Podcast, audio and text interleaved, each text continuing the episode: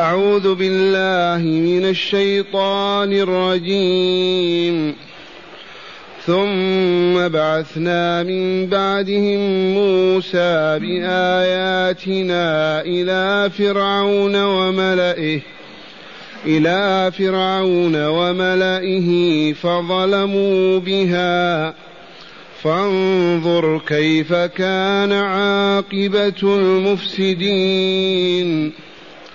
وقال موسى يا فرعون إني رسول من رب العالمين. حقيق على أن لا أقول على الله إلا الحق. قد جئتكم ببينة من ربكم فأرسل معي بني إسرائيل.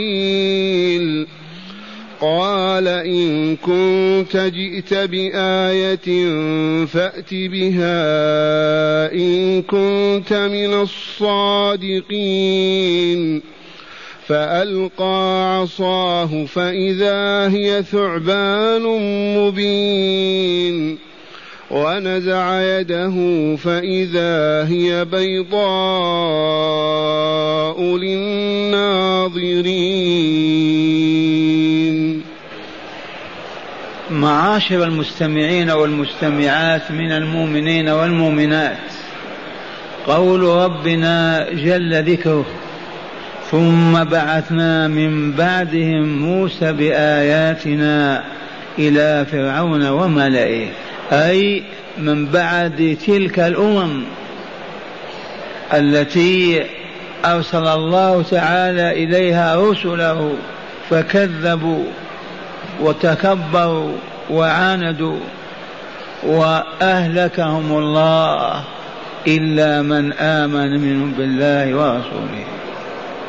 إذ قص تعالى علينا في هذه السورة قصص قوم نوح قوم هود قوم صالح قوم ثمود قوم شعيب. ودرسناها ووقفنا عليها كأننا ننظر إليها بأعيننا فقال عز من قائل ثم بعثنا من بعدهم موسى. من موسى؟ هذا نبي الله ورسوله وكليمه.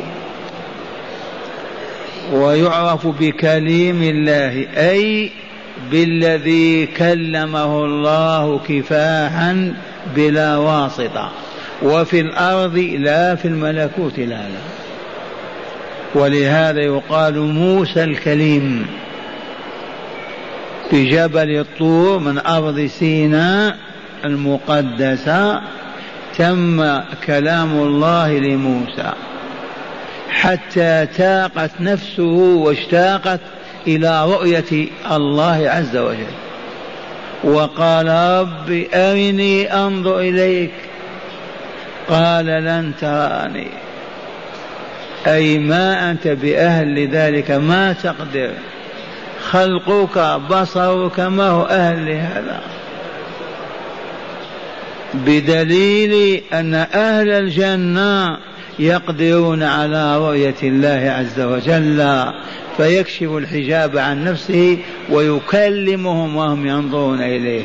يقظة والجنة ما فيها منام. موسى قيل هذا الاسم مركب من الماء والشجر.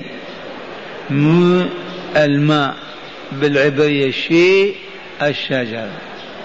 ماء وشجر. هذا موسى. وعلة ذلك أو سببه تذكرون يا أهل القرآن أن فرعون عليه لعائن الله.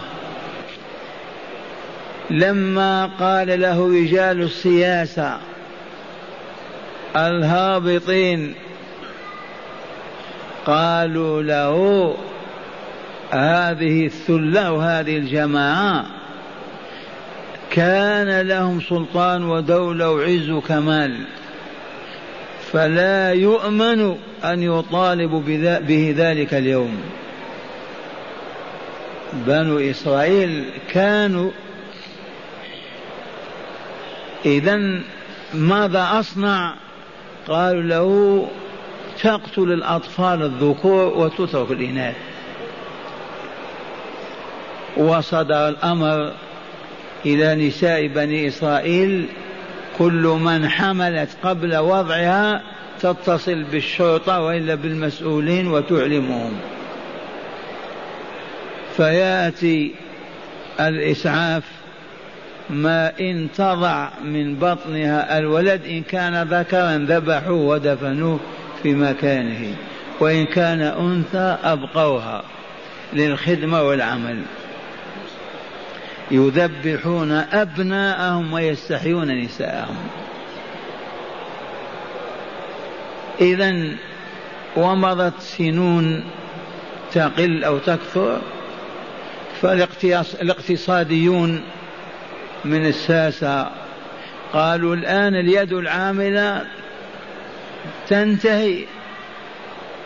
ماذا نصنع يا رجالنا؟ قالوا تقتل الأولاد الذكور سنة وتعفو عنهم سنة. سنة العفو يوجد فيها عدد. ودبر الرحمن عز وجل وهو العليم الحكيم. فحملت أم موسى باخيه هارون عليه السلام وهو نبي ورسول. أرسله الله مع أخيه هارون لما مع أخيه موسى لما كبر وأصبح رجالا. والسنة التي هي سنة الذبح لا العفو ولد موسى. لا إله إلا الله.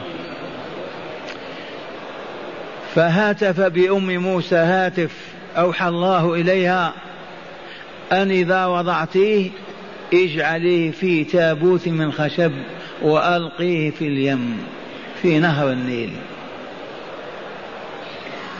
وعرفت أن هذا أمر الله. فما إن قبل أن تضيع أعدت الصندوق من الخشب. ما إن وضعته حتى وضعته في الصندوق وقالت لأختي ارمي به في النيل. وتتبعيه من بعيد.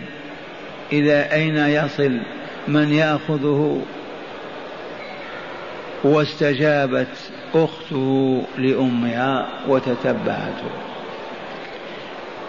فشاء الله أن يكون ماذا حرايا فرعون نساء وبناته في النيل وإذا بالصندوق يعثرن عليه. فأخذناه ذهبنا به إلى امرأة فرعون. إذا وكشفوا الصندوق عنه فإذا به لؤلؤا. كله نور. وألقينا عليه محبة منا. وألقيت عليك محبة مني. اذا وشاء الله أن يمنعه عن الرضاع من أية مرة وهو يبكي طول النهار. والملكة تطلب له الرضع والوزراء والأغنياء والأشراف كل يريد أن تصبح امرأته موضعا. لابن الملك. فرفض أخته تتتبع الأحداث فقالت هل أدلكم على أهل بيت يكفلونه لكم وهم له ناصحون؟ وهذه أوجدت شبهة. كيف ناصحون له؟ استنطقوه واستجوبوه حفظ الله وقالت هذا الذي أعرف أن هذه الأسرة طيبة طاهرة تكفو لكم هذا الولد. إذا فردوه إلى أمه بتدبير الله عز وجل.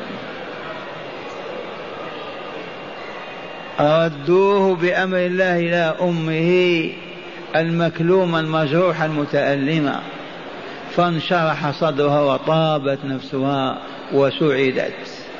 رد الله إليها ولدها مع مغنم من المال. يغدقون عليها ما شاء الله لأنها مرضعة لابن الملك. إذا ولما أخذ الولد يحبو بعد الفطام شاء الله أن يحاول أن يقف بين يدي السلطان فرعون وإذا به يمسك بلحية فرعون ليقف. ومعنى هذا أن فرعون كانت له لحية. البشرية كلها مفطورة على اللحاء ومن حلق لحيته خرج عن الفطرة. عرفتم؟ فرعون بلحيته. فلما أمسك موسى بلحيته تألم فرعون وقال هذا هو الذي نصحني رجال العلم بقتله. قال أذبحه. وأنطق الله تلك المؤمنة آسيا بنت مزاحم. فاعترضت على قوله لماذا ما نربي ونتخذه ولدا؟ نعم. قالت قرة عين لي ولك لا تقتلوه عسى أن ينفعنا أو نتخذه ولدا. وهدأ الوليد وفرعون اسمه الوليد بن ريان. وإنما كلمة فرعون علم على ملوك الديار المصرية. زمن طويل. كهرقل علم على ملوك الروم والرومان ككسرى علم على ملوك فارس. أما اسمه الوليد بن الريان. إذا وعفى عنه وتركه. وتربى في حجر فرعون. وكان ابن الملك لا يعرف إلا بابن الملك وكانت له قوة وشاء الله عز وجل وهو في طريقه في تجوله أو يعثر على اثنين يتقاتلان يتضاربان. في البلد الأولاد يتقاتلون حتى هنا يضرب بعضهم بعضا. فلما رآه القبطي كان يتضارب مع الفرعوني استصرخه استغاث به. فجاء موسى ليخلصه فلكمه بمجمع كفه فأصاب القلب فمات القبطي.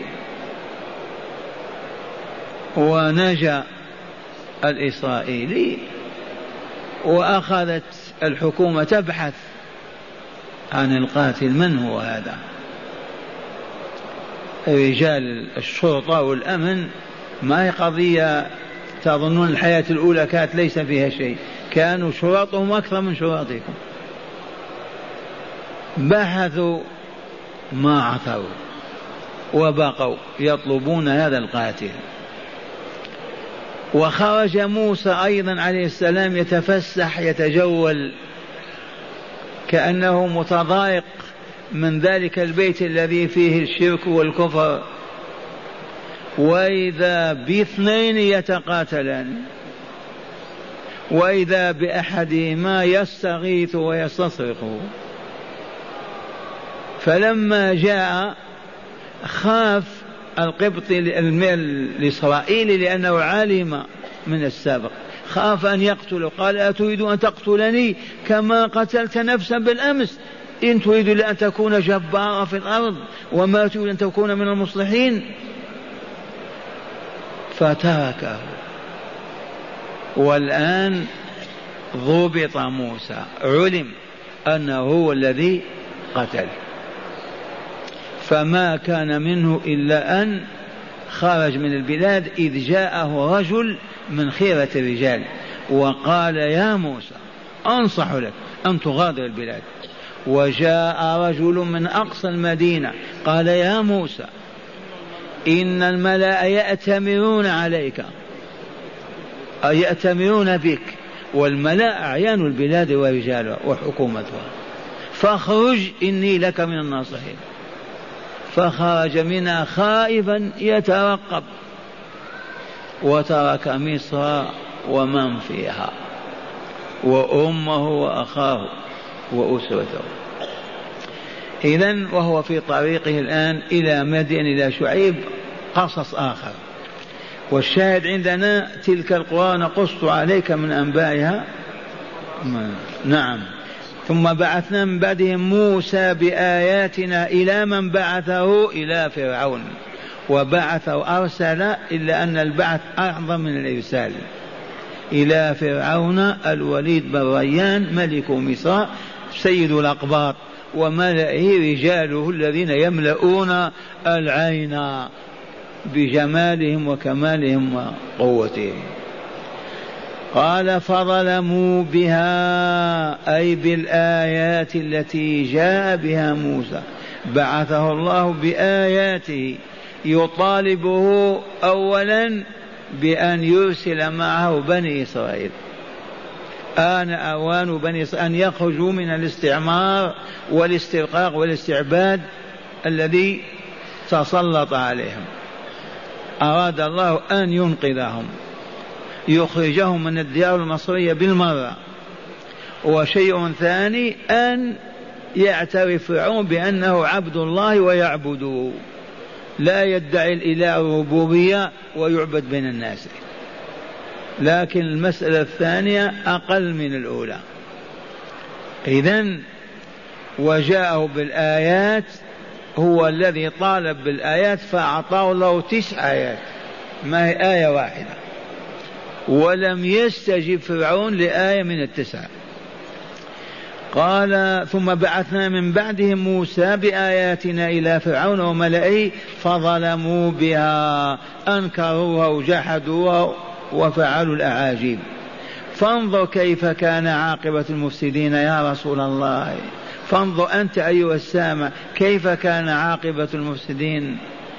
دمر الله فرعون وملأه فأغرقه ومعه مئة ألف فارس كلهم في البحر.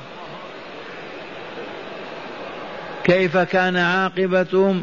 الدمار الهلاك الخسران الأبدي في الدنيا والآخرة. لما ألح موسى وهو يطالب بعد ما رجع من مدين وأحداث مرت به وتزوج وأنجب ومدين قريبة من أرض القدس ومصر. فلما كان هناك أوحى الله إليه عز وجل ونبأه وأرسله وقال ائت فرعون وملئه فعاد وهو كهل من الرجال وطالب فرعون مطالبة رسمية بأن يرسل معه بني إسرائيل وسأل الله أن ينبئ أخاه هارون ويرسله معه. واستجاب الله له عز وجل وهذه يعني غريبة في الحياة البشرية. كون يطلب لأخيه النبوة والرسالة. واستجاب الله. وأرسل معي هارون أخي. إذا وطالب وطالب وطالب هاتوا الآيات تسع آيات. الآية الأولى التي بين أيدينا ألقى عصاه فإذا هي ثعبان مبين. نزع يده فإذا بيضاء كفلقة القمر. آيتان عجيبتان. إذا وقال موسى يا فرعون إني رسول من رب العالمين. هو الذي أرسلني. وهذه عبارة فيها نوع من التلطف. ما تشدد رسول من رب العالمين. من هو رب العالمين؟ الله. وفرعون يعرف ذلك. ولا يوجد على الأرض في ذلك الزمان إلى اليوم من ينكر وجود الله عز وجل. كيف ينكر وجود الله والموجودات كلها موجودها ما يعقل أبدا قول لا إله. وهذه الكلمة الشيوعية الممقوتة التي وضعها اليهود الآن انكشفت عورتها ما بقي من يقول لا إله والحياة مادة. ما يستحي من خلقك؟ واستبدلوها بالعلمية وإلا لا؟ العلم. العلمانيون هم وضع الملاحدة الشيوعيين سواء بسواء.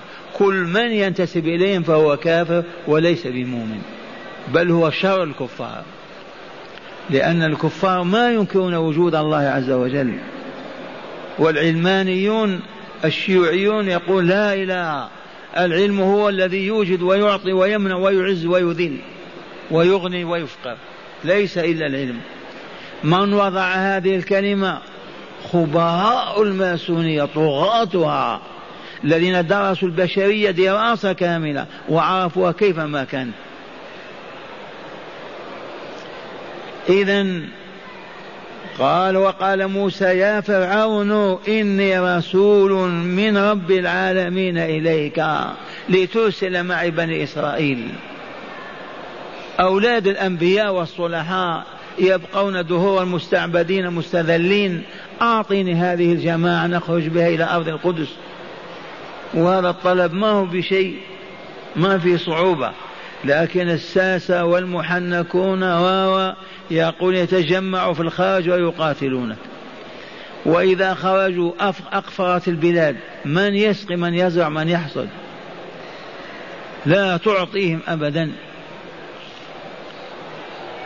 وشاء الله كما قدمنا وكما ياتي بالتفصيل في آيات كثيرة. خرج موسى ببني إسرائيل واتبعوه. لما بعدوا ووصلوا إلى البحر الأحمر جاء فرعون بجيشه العرمرم. مئة ألف فارس على الخيول. وأغرقهم الله في البحر أجمعين. بعد سنين وصراع دام سنوات. والشاهد عندنا إني رسول من رب العالمين حقيق على أن لا أقول على الله إلا الحق وفي قراءة حقيق علي ألا أقول على الله إلا الحق. والمعنى واحد لا أكذب لا أقول الحق لولا أنه أرسلني ما قلت لك أرسلني رب العالمين.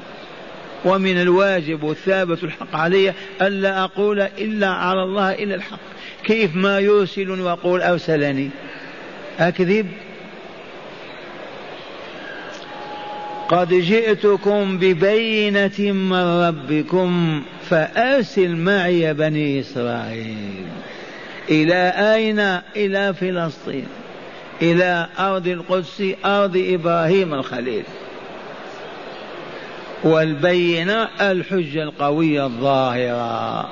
وما هي واحدة بل هي تسع بينات. قال قد جئتكم ببينة من ربكم فأرسل معي بني إسرائيل. كم كان عددهم؟ تقول روايات حوالي ستمائة ألف نصف مليون ومائة ألف فقط نساء ورجال وأطفال.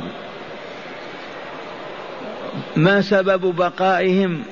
سبب بقائهم أن يوسف عليه السلام كان ملك مصر والسلطان عليها وآمن الخلق وبنو إسرائيل هم تناسلوا منهم لأن موسى عليه السلام بن عمران من ولد يوسف عليه السلام من ذرية يوسف.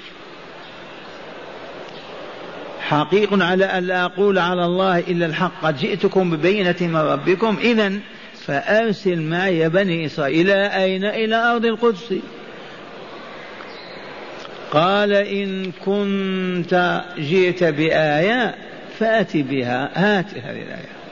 وقال جئتكم بآية لأن الله عز وجل علمه ذلك قبل وصوله إلى مصر.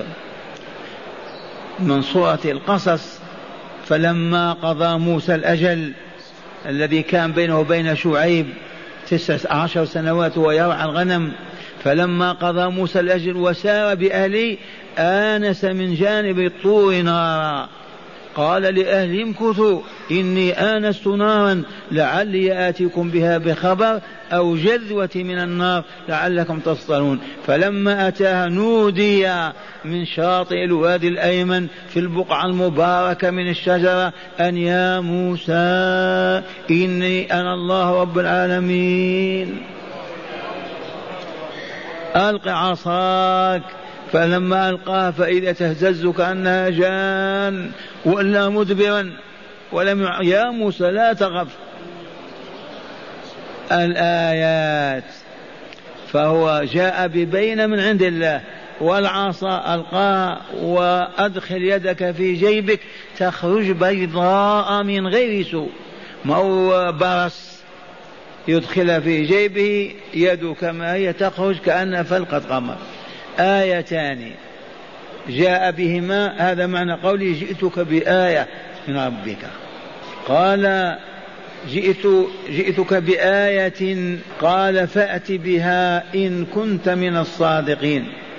نعم موسى عليه السلام ماذا قال؟ قال قد جئتكم يا فرعون وآل فرعون ببينة من ربكم فأرسل معي بني إسرائيل. قال فرعون إن كنت جئت بآية فأت بها إن كنت من الصادقين. والشاهد عندنا موسى قال قد جئتكم بآية لأن الله أعطاه إياه وهو في أرض مدين. العصا واليد وأرسله بذلك. باقي السبع آيات أخرى تأتي في وقتها. إن كنت جئت بآية فأت بها إن كنت من الصادقين فيما تدعي وتقول. أنك جئت بآية من الله هات هذه الآية إذا كنت صادقا. قال فألقى عصاه. هذه العصا هي التي كان يسوق بها الغنم ويرعى بها في أرض مدين. والآثار والأخبار تقول هذه العصا نزل بها آدم من الجنة. ولا عجب. وتوارثها الأنبياء تباتم سيف النبي صلى الله عليه وسلم موجود في دار الآثار في تركيا. إذا العصا لما أراد أن يرعى الغنم طلب عصا. فجيء بالعصا وأنها عصا كانت عند نبي الله شعيب ورسوله موروثة من نبي إلى نبي. ذي هي العصا الحقيقية. إذا فألقى عصاه التي يملكها وهي بيده فإذا هي ثعبان مبين. واضح. لا شك ثعبان. لكن ما هو ثعبان بسيط فقط؟ عادي. الثعبان معروف عند أين سليمان؟ تعرف الثعبان ثعبان واضح الدلالة ما في شك. انقلبت العصا إلى ثعبان. تهتز كأنها جان ولا مدبر موسى خاف. لما كان يدربه الله عز وجل عليها. دربه روضه الله عز وجل على العصا قبل أن يأتي إلى فرعون. ولهذا يجب كل ما يجد سلاح بيننا يجب أن نتدرب عليه أولا حتى نقوى على استعماله. ما تعطيني مدفع وأنا ما أعرف كيف أصنع به. تدرب بين يدي الله. لا إله إلا الله. لما انقلبت إلى جان تهتز فزع موسى ورجع إلى الوراء قال لا تخف سنعيدها سيرتها كما كانت عصا قال فألقى عصاه أين ألقاها في أمة حاضرة شاهدة. لأن فرعون جمع رجال السحر ورجال العلم ورجال السياسة والأمة كاملة في مشهد عظيم. جاء هذا في سورة طه. إذا فألقى فإذا هي ثعبان مبين. ذي آية وإلا لا؟ وهي عصا يشاهدون. انظر العصا هذه. هذه تقول إن الله بعث موسى لفرعون ليرسل معه بني. هذا لسانها. وإلا كيف تنقلب عصا إلى ثعبان؟ ونزع يده فإذا هي بيضاء للناظرين فقط. بيضاء لمن ينظر إليها. بياض القمر في شدة ضوئه. واستجاب فرعون. ما استجاب. إذا نسمعكم تلاوة شرح الآيات من الكتاب. قال الشيخ رحمه الله وإياكم وغفر له ولكم معنى الآيات قوله تعالى ثم بعثنا من بعدهم موسى. هذا شروع في ذكر القصص السادس مما اشتملت عليه سورة الأعراف. خمس قصص تقدمت هذا القصص السادس. مما اشتملت عليه سورة الأعراف. وهي قصص موسى عليه السلام مع فرعون وملئه. عرفنا الملأ؟ قال قال تعالى وهو يقص على نبيه محمد صلى الله عليه وسلم ليثبت به فؤاده. لماذا قص الله هذا القصص على رسولنا؟ ما فائدة ذلك؟ ما الغرض؟ ما الحكمة؟ ليثبت قلب رسول الله أمام ما يلاقيه ويعانيه ويواجهه. من أولئك الطغاة المشركين. هذا يكفر وهذا يلعن وهذا يهدد. وهو مأمور أن يبلغ رسالة الله. فسر هذا القصص تثبيت قلب الرسول صلى الله عليه وسلم على إمضائه في دعوته ونشرها. وهو أيضا علة كل داع إلى الحق في العالم. هذا هذا القصص يثبت قلبه ويدعمه ويركزه ولا يفر ولا يهرب ولا يتراجع عن دعوة الحق. قال وهو يقص على نبيه ليثبت به فؤاده ويقرر ربه نبوته ويعظ أمته ويذكر به قوما كل هذه فوائد. مرة ثانية. قال قال تعالى وهو يقص على نبيه. من نبيه؟ محمد صلى الله عليه وسلم. ليثبت به فؤاده. الفؤاد القلب وإلا لا؟ والقلب يضطرب يخاف صاحبه يموت ينهزم ويقرر به نبوته. بهذا القصص يقرر الله نبوة محمد صلى الله عليه وسلم. لو لم يكن نبيا من أين يأتي هذا الخبر؟ ويعظ أمته. ونحن ما نتعظ إذا تلونا هذا القصص؟ ما يحصل لنا وعظ نذكر نعم الله وآلاءه فنحمد نذكر ذنوبنا فنخاف ونتوب إلى الله. قال ويذكر به قومه أيضا المشركون. لما يسمعون هذا القصص وأسلم عليه الآلاف قال ثم بعثنا من بعدهم أي من بعد نوح وهود وصالح ولوط وشعيب بعثنا موسى بن عمران إلى فرعون وملئه من رجالات ملكه ودولته. هو الملأ. وقوله تعالى بآياتنا هي تسع آيات. لتكون حجة على صدق رسالته وأحقية دعوته أي رسالة موسى ودعوته. وقوله تعالى فظلموا بها أي جحدوها ولم يعترفوا بها فكفروا بها وبذلك ظلموا أنفسهم بسبب كفرهم بها واستمروا على كفرهم وفسادهم حتى أهلكهم الله تعالى بإغراقهم. ثم قال لرسوله فانظر كيف كان عاقبة المفسدين أي دمارا وهلاكا وهي عاقبة كل مفسد في الأرض بالشرك والكفر والمعاصي. أو تشكون لا والله. عاقبة كل مفسد في الأرض بالشرك والكفر والمعاصي لله والرسول. هذا ما دلت عليه الآية الأولى. وأما الآيات بعدها فإنها في تفصيل أحداث هذا القصص العجيب. قال وأتى موسى فرعون وقال له يا فرعون إني رسول من رب العالمين حقيق أي جدير وخليق في أن لا أقول على الله إلا الحق. قد جئتكم ببينة من ربكم دال على صدقي شاهدا بصحة ما أقول. فأرسل معي بني إسرائيل لأذهب بهم إلى أرض الشام التي كتب الله لهم وقد كانت دار آبائهم وأجدادهم. وهنا تكلم فرعون وطالب موسى بالآية التي ذكر أنه جاء بها. فقال إن كنت جئت بآية فأت بها إن كنت من الصادقين.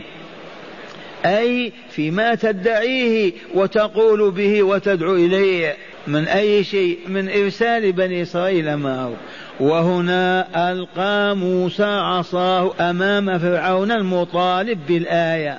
فإذا هي ثعبان مبين أي حية عظيمة تهتز أمام فرعون وملئه كأنها جان.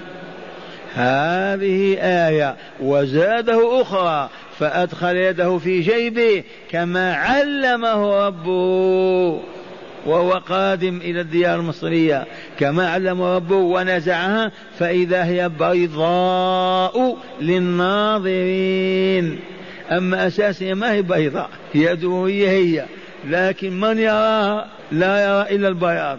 بيضاء بياضا غير معهود مثله في أيدي الناس. هذا ما تضمنته هذه الآيات الخمس في هذا السياق والقصص يأتي فيما بعد. والآن معاشر المستمعين هداية الآيات الخمس. هذه الآيات لها هداية ولا؟ بمعنى تهدي إلى شيء ولا لا؟ العلامة لما تضعها في الطريق تهدي إلى المكان الفلاني ولا لا؟ كل آية هي هادية الخلق إلى ربهم ليعبدوه ويسعدوا قال اولا بيان سوء عاقبة المفسدين بالشرك والمعاصي الدمار والخراب. ثانيا تذكير موسى فرعون بأسلوب لطيف بأنه ليس ربا بل هناك رب العالمين وهو الله رب موسى وهارون والناس أجمعين. ثالثا تقرير مبدأ الصدق لدى الرسل عليهم السلام. لا كذب.